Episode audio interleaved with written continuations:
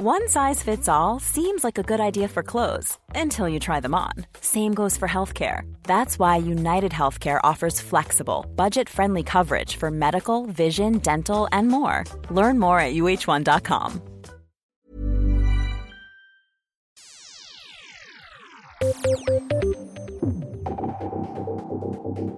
Musikkindustrien og gangsterrapperne må stilles til ansvar for den økte volden i Oslo, mener samfunnsdebattant Thomas Hale i VG.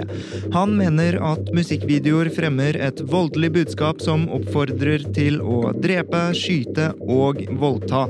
Bør vi stille hiphop til ansvar for økt vold på østkanten i Oslo? I det nye EU-systemet for merking av klesprodukter vil bunaden, samekofta og strikkegenseren komme dårlig ut. Produksjonen av norske nasjonaldrakter menes å skade klimaet for mye. Burde vi følge EU-stemplingen og ofre den norske bunaden for klimakampen?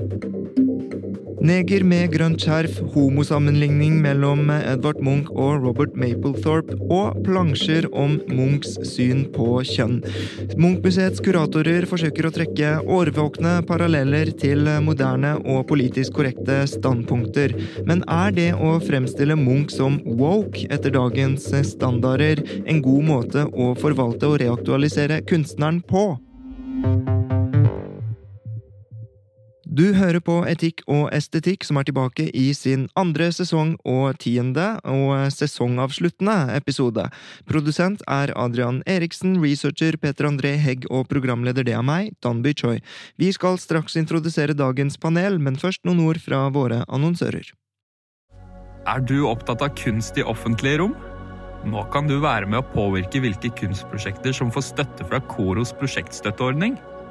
Vi søker to nye utvalgsmedlemmer som skal være med på å fordele midlene i 2022 og 2023.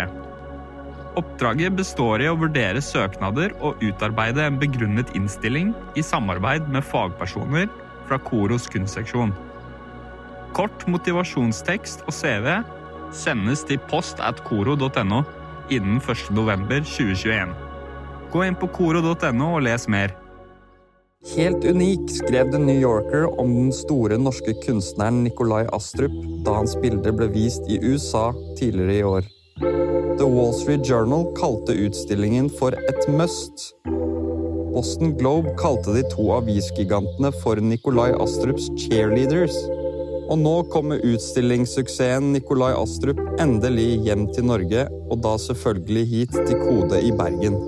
Med over 100 grafiske og maleriske arbeider er dette den største Astrup-utstillingen i Norge på lenge. Det kan du ikke gå glipp av. Besøk kodebergen.no for mer informasjon. Med meg i studio sitter Sara Gaulin, som er født i Iran, kom til Norge som flyktning i ung alder og ble tidlig engasjert i den norske fagbevegelsen. Siden har hun hatt flere verv og stillinger i LO og i fagbevegelsen, deriblant har hun vært faglig ungdomssekretær for LO Viken. Gaulin har jobbet i stortingsgruppen til Arbeiderpartiet, vært partilagleder i Søndre Nordstrand Arbeiderparti og utmerket seg som en viktig stemme i samfunnsdebatten de seneste årene. Hun har utfordret sosialpolitisk snillisme, eller politisk korrekthet, og markert seg mot både blasfemilover og æreskultur. Hun har derfor måttet tåle å stå i mange stormer og blitt angrepet fra både høyre og venstre side. Tidligere i år ble hun ansatt som daglig leder i organisasjonen LIM, som står for likestilling, integrering og mangfold, hvor hun nå skal bekjempe ukulturer som tvangsekteskap og æreskultur i minoritetsmiljøer. Velkommen til deg, Sara Gaulin. Tusen takk. Hjertelig. Hvordan går det som daglig leder i LIM? Det går fint. Det var mye å ta, sette seg inn i når du får så mye oppgaver og så stor organisasjon som du skal drive med aktiviteter for. Men det har vært veldig lærerikt. Jeg har vært litt på besøk ute på skoler. Jeg har fått nettopp en IMDi-rapport som viser at ting er fortsatt like alvorlig både i Norge og utenfor Norge. Der minoritetsrådgivere og integreringsrådgivere i IMDi eh, varsler om at eh, selv under pandemien så er det alvorlige funn de har i rapportene sine. Så det er ikke sånn at jeg kommer til å være arbeidsledig eller ha mindre ting å gjøre. Det blir sikkert mye mer å gjøre fremover. Ja, og hva er det som fikk deg til å bli så engasjert i disse spørsmålene? Eh, det er jo litt dette her med at det er et resultat av tvangsekteskap. Eh, min mor og min far ble jo aldri gift frivillig. Til, min mor ble presset til å gifte seg for å redde familie, eh, ikke familiens ære, men broren sin. Det, det, ble en politisk handel som gjorde at mamma hadde ikke noe valg, og ble presset til å gifte seg med en mann, tolv år eldre mann, som hun ikke kjente til. Og når jeg kjenner til hennes historie, kjenner til hvordan ting var i hjemlandet, og vet hvordan det har vært å leve i et land så Når jeg gikk på en jenteskole, så ble jeg presset til å bruke hijab.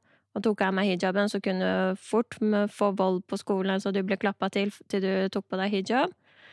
Til at jeg kom til Norge og ser at jeg har venner som ikke har samme rettigheter og samme friheten som jeg har, eh, som mamma gir meg. Og det har jo gjort at jeg har blitt mer og mer bevisst på at jeg må kjempe andres kamp.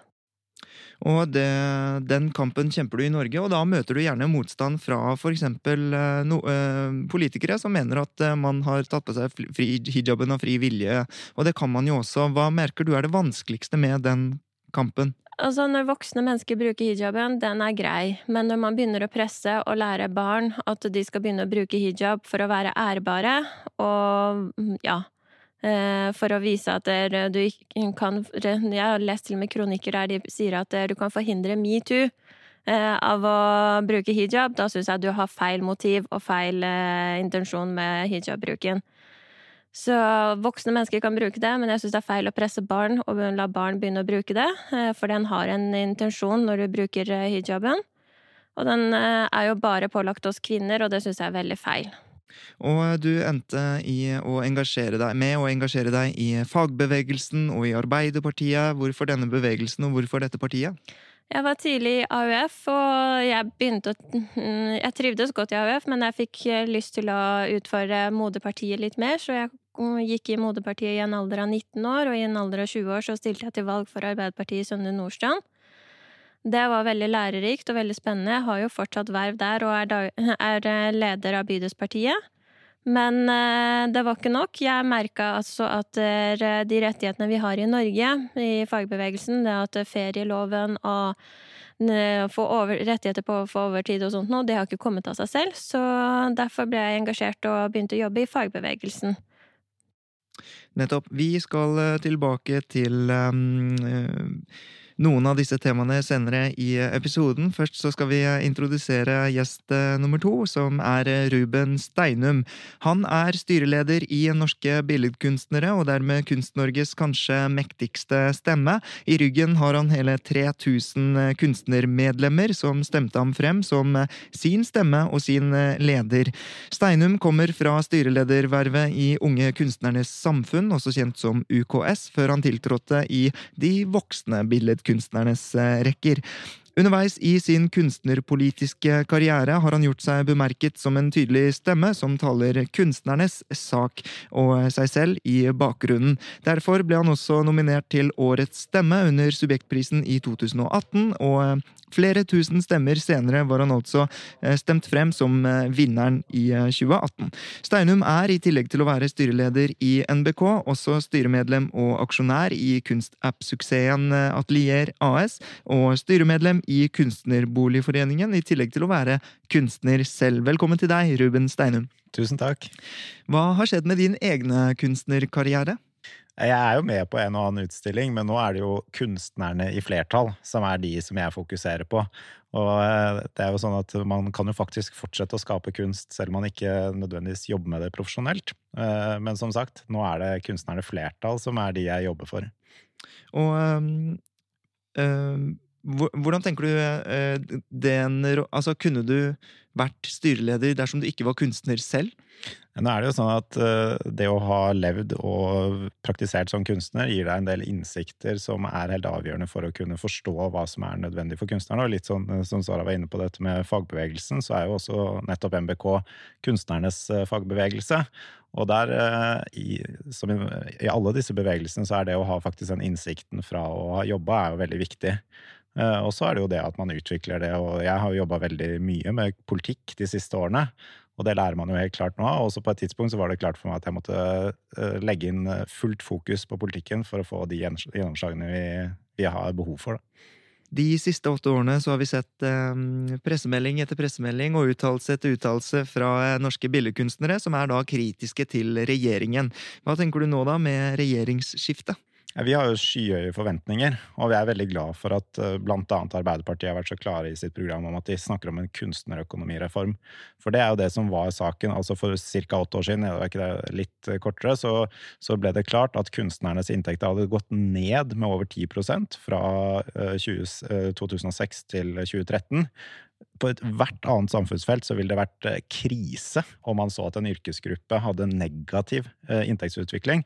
Samme tid, nesten alle i Norge dro av gårde med kjempehøye lønninger. I løpet av de siste ca. åtte årene så er det blitt gjort små ting, eh, men sånn stort sett nesten ingenting. Og, hvorfor tror du at denne gruppen eh, arbeidsfolk ikke liksom, Hvorfor stopper ikke alle opp og synes at dette er rart? Uh, det, det, er jo et godt spørsmål, og det er jo noe av det vi forsøker å synliggjøre. Men vi har jo sett at for eksempel, det er en vilje og et ønske om å ha kunst og kultur i samfunnet. Og det ser man annet med Selv om det er mye debatt rundt Munch-museet og Nasjonalmuseet, og sånn, så er det vanvittig store satsinger eh, med et kjempehøyt ambisjonsnivå. Og da er jo det vi er opptatt av, at man kan vise den samme eh, ambisiøse viljen overfor kunstnerne. da, Og at når man eh, bygger nettopp et eh, museum som skal stå der i veldig veldig lang tid, så skal det også fylles med kunst, og den skapes av kunstnere. Men jeg tror det, sånn for å komme tilbake til det du sier, så jeg er jo hellig overbevist om at alle egentlig har kunst som en sterk del av livene sine, men det, bevisstheten om på hvilken måte, den er nå så mange at, at, ikke alle nødvendigvis ser det at uh, når jeg er ute og snakker om billedkunst, så er det ikke kanskje noe som resonnerer, men kunsten er, eh, den kommer vi ikke unna, rett og slett. Og du uh, har også pleid å si, det har vært en slags kjepphest, at regjeringen eller noen prioriterer de døde kunstnerne. Da snakker man om museene og Munch og alle Det er akkurat det. Det, er jo det. det har vært liksom en av sakene som vi har satt fokus på, og det er jo det er jo det jeg var inne på nå nettopp, at det har vært en vilje til å satse der. Og nå nå er det på tide å vise det overfor kunstnerne. Og nå kommer du altså fra eh, Nesodden, hvor du bor. Du er eh, Oslo-gutt, men flyttet dit. Hvorfor gjorde du det? Nei, det var, for, eh, det var, for, å flytte til et sted som jeg hadde vært veldig mye sammen med familien. Som jeg rett og slett har blitt veldig veldig glad i. Det er, som, Når du setter deg på Nesoddferga, så er det som om tiden liksom warper, og så drar du inn i en sånn mer avslappa tidssone. Men det er morsomt at du har vært der mye, fordi at det sies jo om Nesodden at enten så er man kunstner, eller så er man anti-vaxxer når man bor der. Er du, er du, redd for smitte, eller når du går rundt på Nesodden? Ja, som, som mange steder så er det mye fordommer fordommer som er helt feil. Men eh, det er nok sikkert noen antivaxere på Nesodden, det er det. Men eh, når det gjelder vaksineringen for covid, så var det iallfall på et tidspunkt et av de stedene med høyest eh, vaksineringsgrad av alle kommunene i Norge. Når det gjelder hvem som bosetter seg på Nesodden, så tror jeg det blir vanskeligere fremover for kunstnere. Og det handler blant annet om inntektene og boligmarkedet. For Jeg var glad for at du nevnte Kunstnerboligforeningen, for også på Nesodden så drar jo boligmarkedet fra alle andre. Og eh, her er man likestilt, så du skal få noen fordommer, du òg. Hvordan var det å vokse opp på Holmlia? Var det mye bråk og vådeskudd? Det var selvfølgelig noen eh, fordommer eh, når du For jeg begynte på videregående i Oslo sentrum på en skole på yrkesfag på Oslo Handelsgym. Og der kom vi til vestkanten, og du fortalte at du bor på Egentlig så bodde jeg på Prinstad på den tiden, men det er helt, nesten helt tett inn til Holmlia, og da tenkte jeg enten så kjente du til drug dealerne, eller så kjente du til noen gjenger der ute. Nei, jeg gjorde ikke det. Men jeg ser at noen av de som jeg har møtt og kjente til utafor Holmøyhallen, de sitter inne nå, så kanskje jeg kjente noen, da. Uten å være bevisst på det. Veldig bra, og vi skal tilbake til østkanten eh, etter hvert. Og med det kan vi gå over til eh, dagens første tema. Sofie Elise, og du hører på Etikk og estetikk, en podkast fra Subjekt.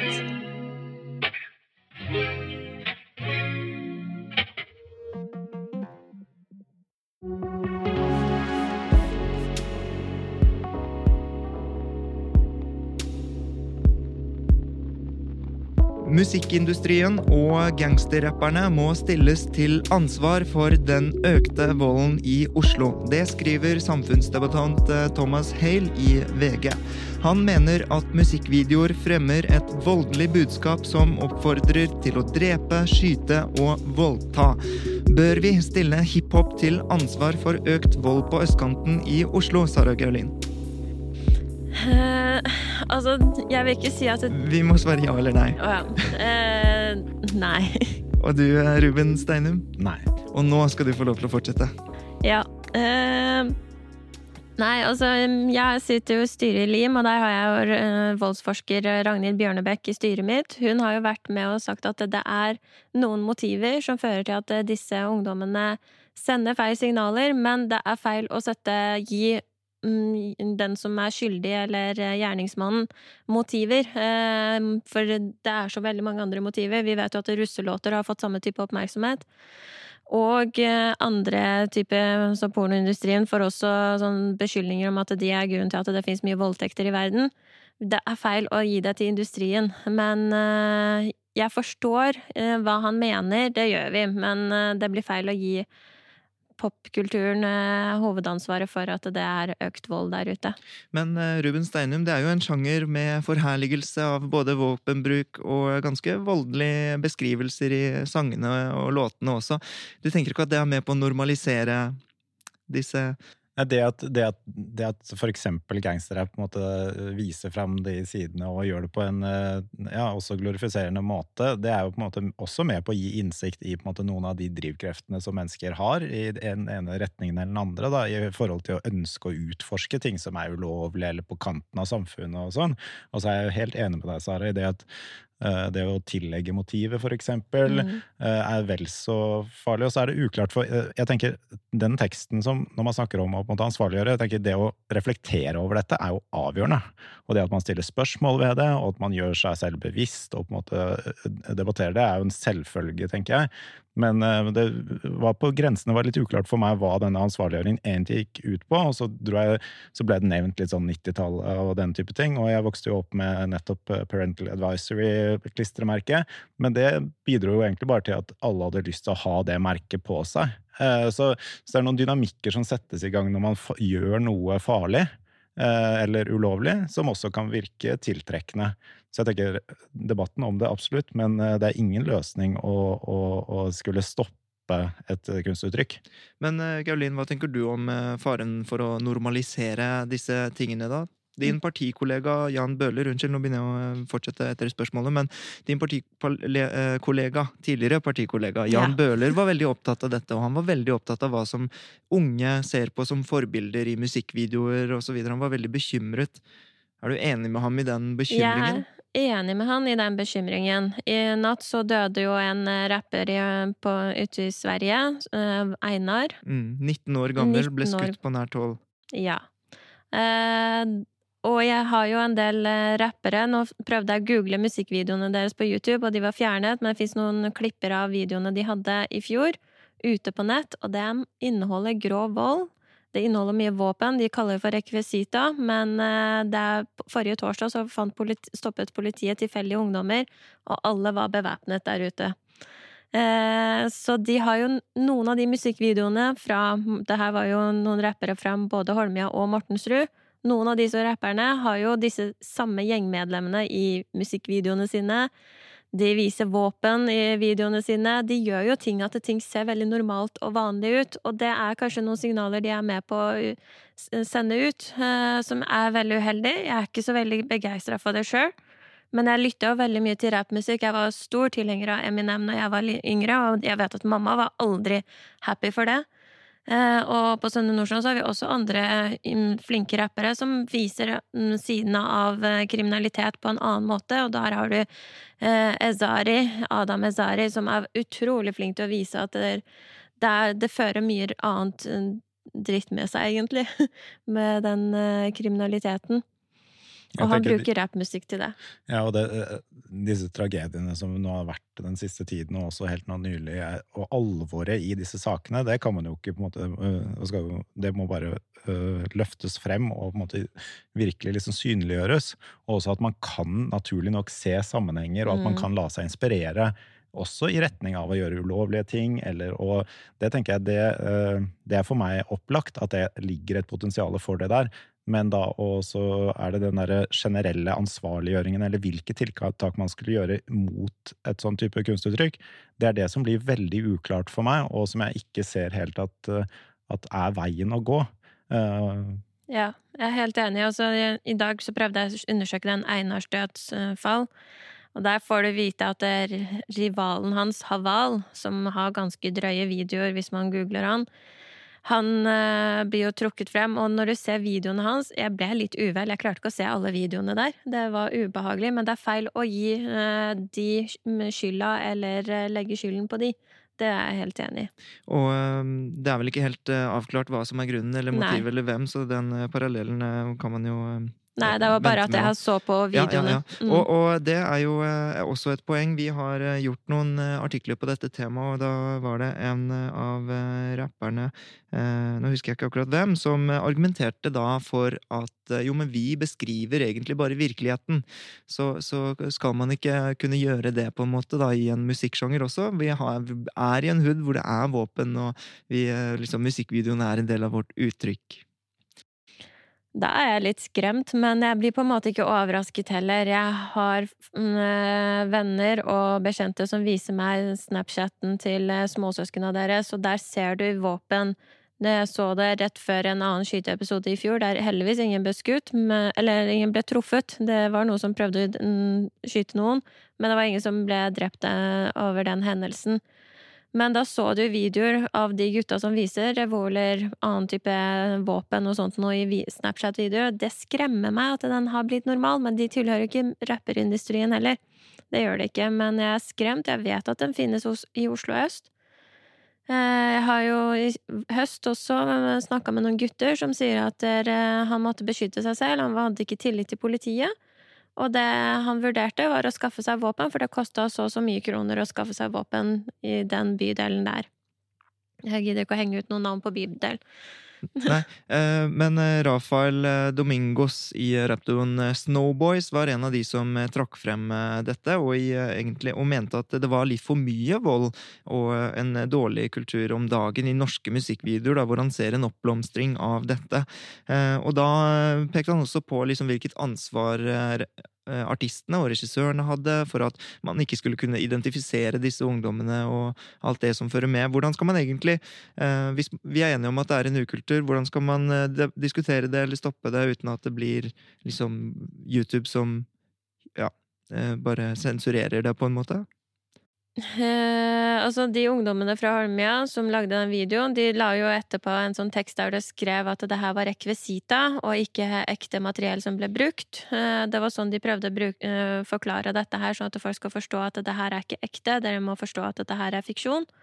Eh, og de skrev det også at det her er fiksjon, det her er rekvisita og sånne ting, men jeg tror ikke alle forsto det, så den videoen ble jo tatt bort og sensurert. Jeg vet ikke om de har gjort det selv, eller om YouTube har gjort det.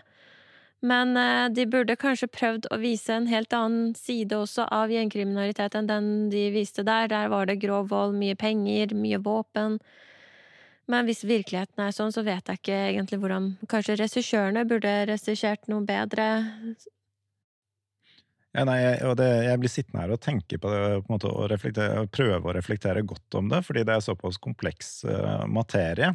Og når du var inne på det med eksempel med porno i sted også, så er det jo ikke noe hemmelighet om at det er grov utnyttelse og veldig mye ved pornoindustrien som er helt eh, grusomt, og, at eh, denne type måte, gjengglorifisering i hiphop også kan være at det også kan være inspirerende.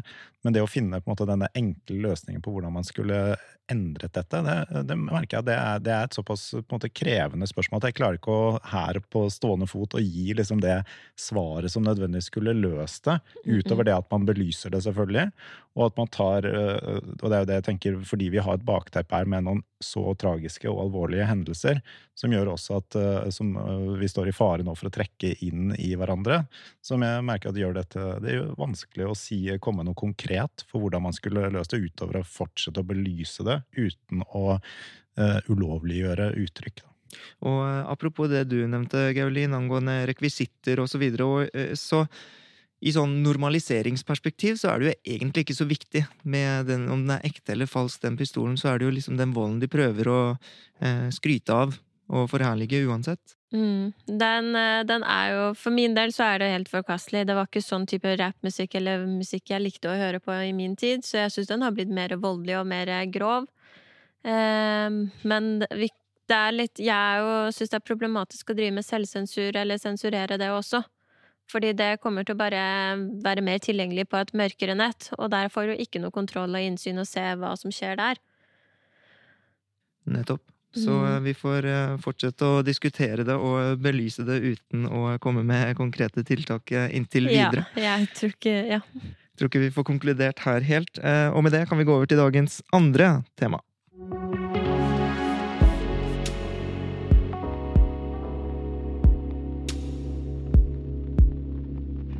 Det nye EU-systemet for merking av klesprodukter, Product Environmental Footprint, vil bunaden, samekofta og strikkegenseren komme dårlig ut.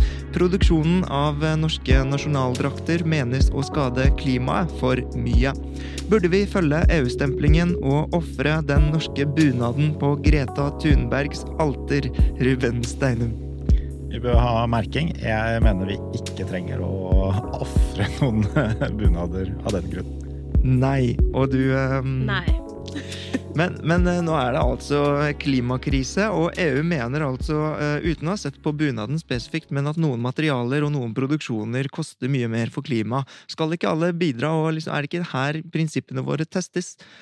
Altså, vi skal fly mindre, og da kan vi jo like gjerne ofre begynne nå, eller? Og her må jeg bare disclaimer at jeg, kan, jeg har ikke dybdekjennskapen til alle disse sidene av klesindustrien, men etter det jeg har kjennskap til fra tidligere, så er jo blant annet overforbruk og kastekultur. Og da tenker jeg en polyesterbukse som kastes, er nok mer potensielt miljøskadelig enn et plagg i for eksempel ull, eller hva det skulle være, som også er miljøskadelig i produksjonen, men som man bruker lenger.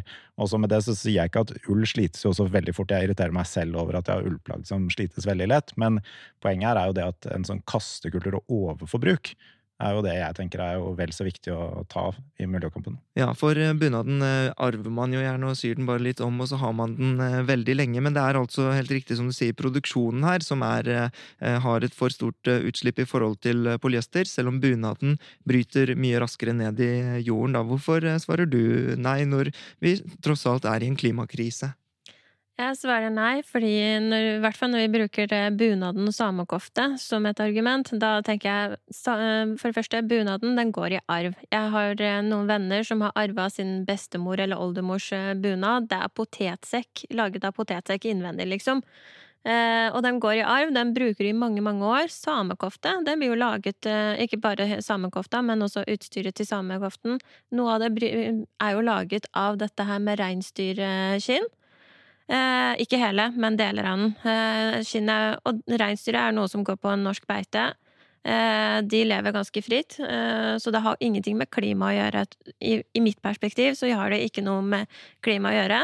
Og de spiser det kjøttet også.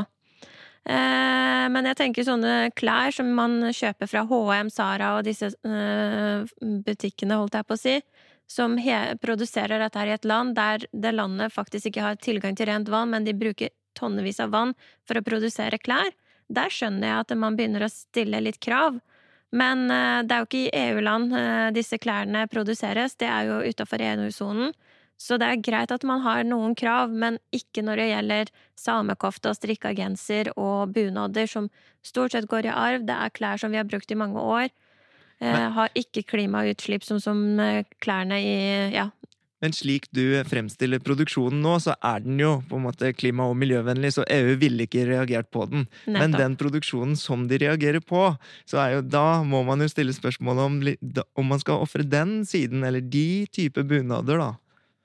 Jeg tenker at man må, jeg, der er jeg, at man må ofre uh, visse produksjoner. For, og det er på en måte spørsmålet ditt. er på en måte Drar det opp i en retning med å på en måte emosjon, gjøre det emosjonelt med bunader og sånn. Og, og og der er nok jeg mer det at ok, hvis det var en bunad som ikke ble produsert, da, fordi det var det som måtte til, så er jeg nok jeg da, Nei, da ble ikke den produsert. Og det, sånn er det. Men så var det derfor jeg også problematiserte litt spørsmålet innledningsvis. Da, bare fordi, fordi jeg, jeg tror ikke nødvendigvis det er der og den type på en måte, eh, drakter som vil rammes først. Dette er jo, men eh, men, eh, men hvis, hvis det er dit det kommer, så mener jeg at det, Og det viser seg at bunader faktisk, i såpass internasjonalt sett også, Mhm. utgjør en så stor uh, skade for miljøet, så må bunaden gå. Men hva tenker du om, som billedkunstnerisk talsperson da, om liksom skapetradisjonen og, og disse tingene, da? Det aspektet? Ja, det er jo helt eh, absolutt kjempeviktig. og Nå eh, tar jeg disse tallene litt sånn fritt etter hukommelse, men jeg har hørt at, det- et, at det er 7% av verdens utslipp som er knytta til klesproduksjon. Eller noe. Altså det er en kjempe Det, det, er, det er en alvorlig eh, Det er veldig mye alvorlig utslipp fra klesproduksjon. Eh, Så jeg, jeg er nok usikker på For jeg tenker at den, hvis man snakker om liksom lokale tradisjoner eller kunstneriske uttrykk, så har jeg tillit til oss mennesker at vi faktisk kommer til å skape med det vi har rundt oss eh, i et, det tidspunktet. Og jeg er nok ikke så eh, Mulig noen syns dette er sjokkerende å høre, men jeg er nok ikke så opptatt av at det må være på en viss måte som det er gjort tidligere, men at man, vi også inn i fremtiden vil måtte bruke de materialene som vi har, da. Ja, jeg har jo fått en bunad sydd av mora mi, og hun fikk jo en sånn veileder som var innom og hjalp henne for at den skulle bli godkjent. Så det er jo ikke enkelt å produsere, eller i hvert fall når du prøver selvprodusere bunader. Eh, og de som kjøper bunad fra andre land som er sånn billig produsert, holdt jeg på å si, de er jo sjelden til Jeg tror ikke bunadmiljøet i Norge godkjenner de som bunad, det blir mer kalt for festdrakt. Eh, og da er det igjen sånne klesstoffer som jeg tror eh, faktisk ikke Som er mer forurensende enn eh, den norske bunaden er, som er laget av ull og ja. Er det, er det bunadeliten som eh, snakker? Jo, eh, Ja, men, men- er det ikke Det er jo litt sånn med, sånn med disse mm, prinsippene. Det er liksom eh, veldig lett å følge inntil det liksom avgrenser min frihet og min rett til bunad osv. Er, er, vi- er det for lett å liksom forsvare det vi vi selv vil ha nå? Ja, det, tenkte jeg, det er det med alle ting. Så vil du, når det er jo først når du blir utfordra på det, at du virkelig kjenner at uh, hvorvidt Men eh, om det så må til med litt at man må karre ulla og spinne den tråden og veve, så, så, så er nok jeg, så er nok jeg jeg tipper nok mot den eh, at du sier det er disse tiltakene for klimaet er jeg for at man må gjøre. Og så, jeg, så tror jeg ikke nødvendigvis bunaden er den som rammes først. Nei, det tror jeg ikke heller, men fortsatt, jeg tenker litt sånn at eh, vi må være litt rasjonelle og tenke at er, bunaden er ikke den som eh, rammer oss så hardt, og så er det dette med at bunaden jo, handler jo litt om identiteten og nasjonaldrakta til Norge. Eh, Jeg tror ikke så mange andre land ville likt det egentlig, og at de begynte å bestemme at nå skal kles, mm, nasjonaldrakta deres begynne å merkes etter miljødirektiver og sånne ting. Nettopp. Og eh, hva er det man eh, kan uh, ofre, Eller hvor ville dere kuttet først, da, sånn personlig, hvis eh, det er uansett en klimasak og dere må kutte noe i stedet for bunaden? Eh, lagring i eh, skytjenester og, i, eh, og flyreiser. Det er flyreiser og eh, mindre forbruk. Altså, jeg har kutta mye av klesforbruket mitt. Jeg kjøper heller noe som varer lengre. Det er- For der må jeg nesten skryte. Jeg kjøper så mye brukt fra før av. Jeg har gjort det. Så jeg, jeg, det, Da har jeg du bedre jeg, jeg, samvittighet enn meg. så, eh, jeg har så god samvittighet når det gjelder klesforbruket mitt. Jeg har bedre samvittighet enn jeg hadde før, da. Er du opptatt av kunst i offentlige rom? Nå kan du være med å påvirke hvilke kunstprosjekter som får støtte fra Koros prosjektstøtteordning. Vi søker to nye utvalgsmedlemmer som skal være med på å fordele midlene i 2022 og 2023. Oppdraget består i å vurdere søknader og utarbeide en begrunnet innstilling i samarbeid med fagpersoner fra Koros kunstseksjon. Kort motivasjonstekst og CV sendes til post at koro.no. innen 1.11.2021. Gå inn på koro.no og les mer. Helt unik skrev The New Yorker om den store norske kunstneren Nikolai Astrup da hans bilder ble vist i USA tidligere i år. The Wall Street Journal kalte utstillingen for et must. Boston Globe kalte de to avisgigantene for Nikolai Astrups cheerleaders. Og nå kommer utstillingssuksessen Nikolai Astrup endelig hjem til Norge, og da selvfølgelig hit til Kode i Bergen. Med over 100 grafiske og maleriske arbeider er dette den største Astrup-utstillingen i Norge på lenge. Det kan du ikke gå glipp av. Besøk kodebergen.no for mer informasjon.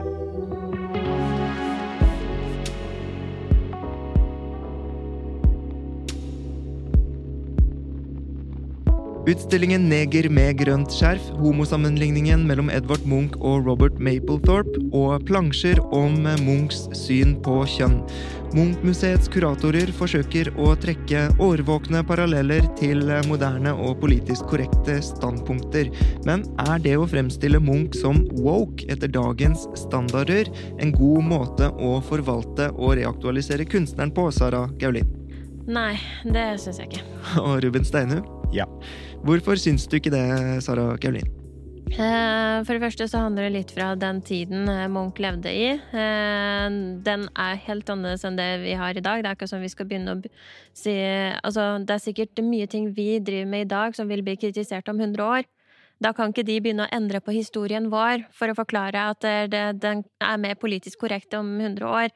Eh, det er det jeg føler har vært litt sånn rart. Jeg har vært på noen av disse samlingene der jeg har hørt at man må jo drive med litt type selvsensur og sensur, og endre tekster på denne bildet som vi snakka om nettopp. Mm. For det her er jo faktisk den opprinnelige teksten mm. til bildet, og da syns jeg det er veldig feil å Hvis hensikten er at vi skal føle oss bedre av at den får en bedre tekst, så er det veldig feil vei. Da begynner vi å mm, glemme historien og glemme Ja, og du snakker da særlig nå om utstillingen 'Neger med grønt skjerf', hvor ja. man snakket om å endre tittel på et av Edvard Munchs eh, arbeider.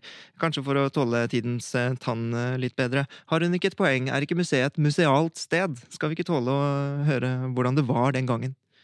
Eh, selvfølgelig så skal vi vite, eller tåle, eller jeg vet ikke om det er det ordet jeg ville valgt, men at vi skal selvfølgelig på en måte undersøke hvordan man har sett på forskjellige spørsmål historisk sett. Og så var det vel mer det at jeg egentlig ikke var helt enig i det at museet har eh, tillagt nødvendigvis Munch eh, meninger som, de, som man ja, tillagt han meninger som oppleves som liksom tidsriktige nå, men at de aktualiserer Munchs kunstnerskap med spørsmål som er mer tidsriktige. Eh, så her må jeg gjerne bli utfordra hvis det er sånn at det er helt konkret at de har sagt at de, Munch har nok tenkt på den og den måten. fordi det i seg selv vil jeg jo si er å trekke det langt. Men det kommer litt an på hvilke kilder man har, selvfølgelig. Men det å synse om hva folk kan ha tenkt på et tidspunkt, det, det mener jeg sånn generelt sett at man skal være forsiktig med. Jeg har sett at jeg har vært i debatten om det maleriet av sultan Abdul Karim. Eh, men når det gjelder det maleriet i seg selv, at man reviderer den tittelen, så har man jo også eh, såpass mange Den har blitt revidert flere ganger, og vi kjenner jo til historikken der. Eh, så jeg syns de, de, nettopp har aktualisert Munch. Og gjør at man kan gjennom kunsten til Munch også debattere temaer i, som er viktige nå. og det var grunnen til at jeg også svarte så direkte ja på at jeg mener at Munch-museet Munch faktisk gjør en, en god jobb i forhold til å reaktualisere ikke bare Munch, men også temaer som er viktige nå. Det kan hende dette handler mer om smak enn eh, om det virkelig er eh, rett eller galt, men jeg husker at eh, da jeg var på utstillingen med Edvard Munch og Robert Mapplethorpe, så drev kuratoren med en sånn Jo, men Edvard Munch var kanskje homo, og det var egentlig liksom veldig lite som tilsa det, men det var veldig sånn kuratorisk ønsket, virket det som da. Og spørsmålet er da, blir det ikke litt søkt? Er det riktig måte å Skal man for, all, for til enhver pris reaktualisere Munch, liksom?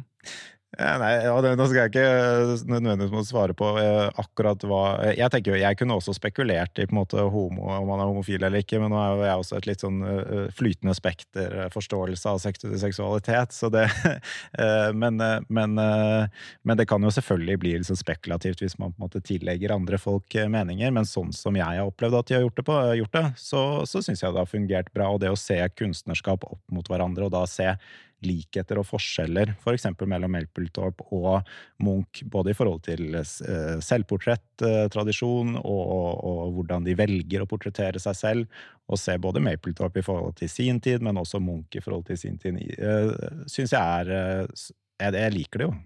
Men uh, Gaulin, uh, en del av Munch-museets uh, mandat er jo å reaktualisere ham. Er, tenker du ikke at det å Og ikke minst å gjøre ham tilgjengelig for et nytt publikum, og de har jo på en måte et ansvar for sin nye utstilling osv. Tenker du det er altså riktig å bruke sånne ord som man aldri ville brukt i dag? Det her er jo tittelen som Edvard Munch har valgt selv å bruke. Da må vi kunne bruke det på denne kunsten og forklare at dette her tilhører den tiden. Eh, det å begynne å gjøre den litt mer dagsaktuell og prøve å skjerme noen for en tittel som var normal på den tiden, det blir litt feil vei å gå, syns jeg. Så er det litt rart å begynne å spekulere også i hans uh, seksuelle det, Jeg syns det blir veldig rart at noen skal begynne å Jeg har ingenting imot uh, hva slags Vi har egentlig ingen in, innsynsrett eller krav om å vite om han var homofil eller ikke. Det har ingenting med historien å gjøre, i hvert fall.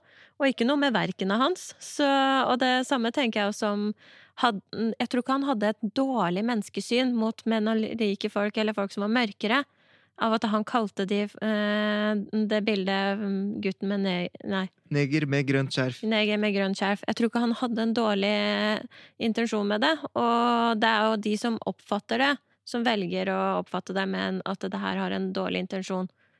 Eh, det, jeg bare si, fordi det er ikke noe tvil om at uh, det, den delen som er en tittel, som er åndsverket til en kunstner, det mener ja. jeg absolutt det skal man ikke på noen som helst måte gå inn og endre. Og så er det dette at det som gjorde akkurat den saken her som jeg Jeg tenker det, det hadde jo vært denne saken hadde vært også vanskeligere for min del også å snakke om, hvis det var sånn at det var utvilsomt det var én tittel, og at den var liksom tydeliggjort som Munchs ene tittel. Men han hadde brukt flere titler selv, og så har også kuratorer og det er jo på en måte en litt sånn eldre sånn jeg har forstått det, kunsthistorisk tradisjon, hvor kuratorer og historikere går inn og setter titler, også på verk som ikke har mm. titler fra før. Så den har vært på en måte i spill. Og det er jo det jeg tenker er på en måte det, det som man kan trekke positivt ut fra. Fordi nettopp den tittelen har vært i spill i hele historien til maleri, så har man også med det arbeidet hatt mulighet til å problematisere den tittelen på en annen måte som det ikke ville vært rom for, etter mitt, min mening, da, prinsipielt, hvis det var tydelig. Eh, sånn som mange, I dag eh, jobber jo de fleste kunstnere ganske aktivt med eh, titulering av arbeidene sine. Jeg gjør det selv. Så, men jeg har også brukt flere titler på samme verk.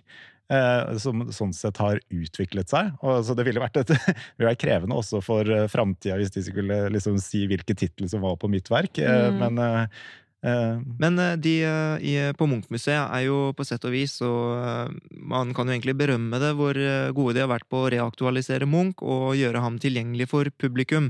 Spørsmålet er egentlig litt det jeg stilte i stad, om man skal gjøre det til enhver pris, fordi de har jo i en serie som heter Munch pluss eller noe sånt, sammenlignet ham med ti forskjellige kunstnere, og så er det hele tiden sammenligninger, nye blikk, og alle kuratorene da som sant, trekker frem nye sider av Munch, og kanskje på litt søkte måter, som jeg har eksemplifisert her, eh, drar det litt for langt? Blir man ikke med på å forkludre egentlig historien om Munch, når, det, når hensikten kanskje burde være det motsatte? Jeg mener det. Eh, jeg syns den skal være tilgjengelig for alle. Absolutt, det var et av hans ønsker. Det var derfor han ga bort mye av kunsten sin til Oslo kommune også, blant annet. Men eh, det at man skal være så kreativ og til enhver pris selge det som er riktig med tanke på det som er politisk korrekt i dag, nei, det syns jeg ikke. Nei, ikke sant? Og det, det, er kanskje der jeg er litt sånn uenig i at det nødvendigvis er så Jeg syns jo ikke det er så måte politisk korrekt i en sånn negativ forstått som på en måte begrensende. For jeg opplever at nettopp disse prosjektene har vært, har vært utvidende også.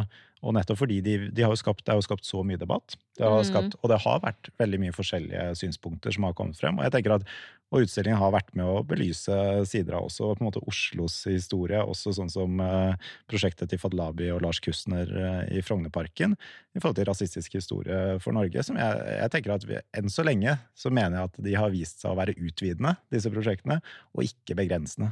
Men uh, det er veldig mye som unnskyldes med dette at man, man, har i det minste skapt debatt. og Det det er litt sånn løpe naken nedover Karl Johans gate, og så ja, jeg klarte i hvert fall å få oppmerksomhet rundt prosjektet, liksom. Er det, er det ikke litt billig? Nei, da syns jeg du trekker din Jeg, jeg, forstår, jeg er enig i at det, det, argumentet sånn der, jeg skapte i det minste debatt, eh, det kan være et billig poeng og for enkelt å si, men i disse prosjektene så tenker jeg at jeg har hatt en, det har vært en dybde i debatten, faktisk. Som at det har vært såpass mange forskjellige stemmer som har deltatt i den. Så, eh, og, og så er spørsmålet da om Og jeg syns dybden i prosjektene som Munch-museet også har gjort. Så utgangspunktet var ikke en, på en, måte, en enkel provokasjon, eh, men det var en bearbeidelse som så la grunnlag for en debatt. Eh, ja, og det, så derfor jeg, vil, støtter jeg det fremdeles helhjerta. Har noen vært på Munch-museet ennå? Har ikke, ikke sett utstillingen i det nye bygget. Ikke det nye bygget, nei. Snart. Den åpna i dag. Ja, det er litt av et uh, sted folk skal få lov til å mene, få sine egne meninger om det stedet. Hva syns dere om uh, utsiden, da, når det nå står der? Jeg liker det ikke i det hele tatt. For jeg er jo en av de som liker og jeg liker det nettopp fordi det ser ut som et sånt ondt romskip. Og det har jeg sett at det er flere som driver og drar de parallellene til sånn science fiction, uh, ond uh, keiserpalass. Men, uh, så jeg, trekker, jeg, liksom, jeg, liker det uavhengig av Munch uh, for de kvalitetene. Mm. Og så har jeg vært inne i bygget uten utstilling, altså når det var Eh, når det var en arbeidsplass, egentlig. Det, eh, jeg, men jeg gleder meg veldig til å se utstillinga. Spesielt det som jeg vet at, som jeg personlig gleder meg veldig til, er å, å få se mer av Munch sin kunst. Uh, som ikke har vært vist tidligere i så stort omfang. Hvis jeg går inn og tenker at eh, nå går jeg inn i en romskip, eller noe sånt, så tror jeg jeg liker den tanken bedre. Akkurat nå så er den så upersonlig, den er så firkanta og skeiv lite grann og sånt, så jeg synes den er så Det ligner ikke på noe, så jeg er ikke så veldig fan av den arkitekturen. Men eh, hvis jeg skal tenke at jeg skal gå inn i en romskip, da kan det hende at jeg trives bedre. og nå får dere altså muligheten fordi at eh, Munch-museet åpner denne helgen. Men det kan hende at dere ikke får det med en gang, ettersom billetten er revet vekk og folk må stå i kø, og nettsidene faller som følge av eh, stor interesse osv. Men til da, tusen takk for besøket, Sara Gaulin. Tusen takk selv. Og Ruben Steinum. Takk. Du hører på Etikk og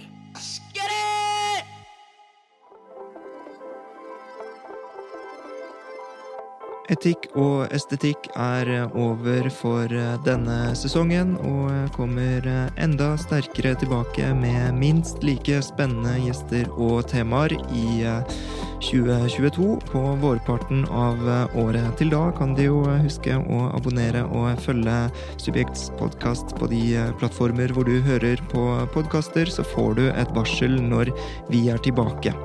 Til slutt vil jeg takke produsent Adrian Eriksen og researcher Peter André Hegg enda en gang for innsatsen med å lage denne podkasten, og til Fritt Ord, som har gitt støtte til etikk og estetikk, og til Kulturrådet og Fritt Ord, som har gitt støtte til Subjekt siden den spede begynnelse. Vi poddes!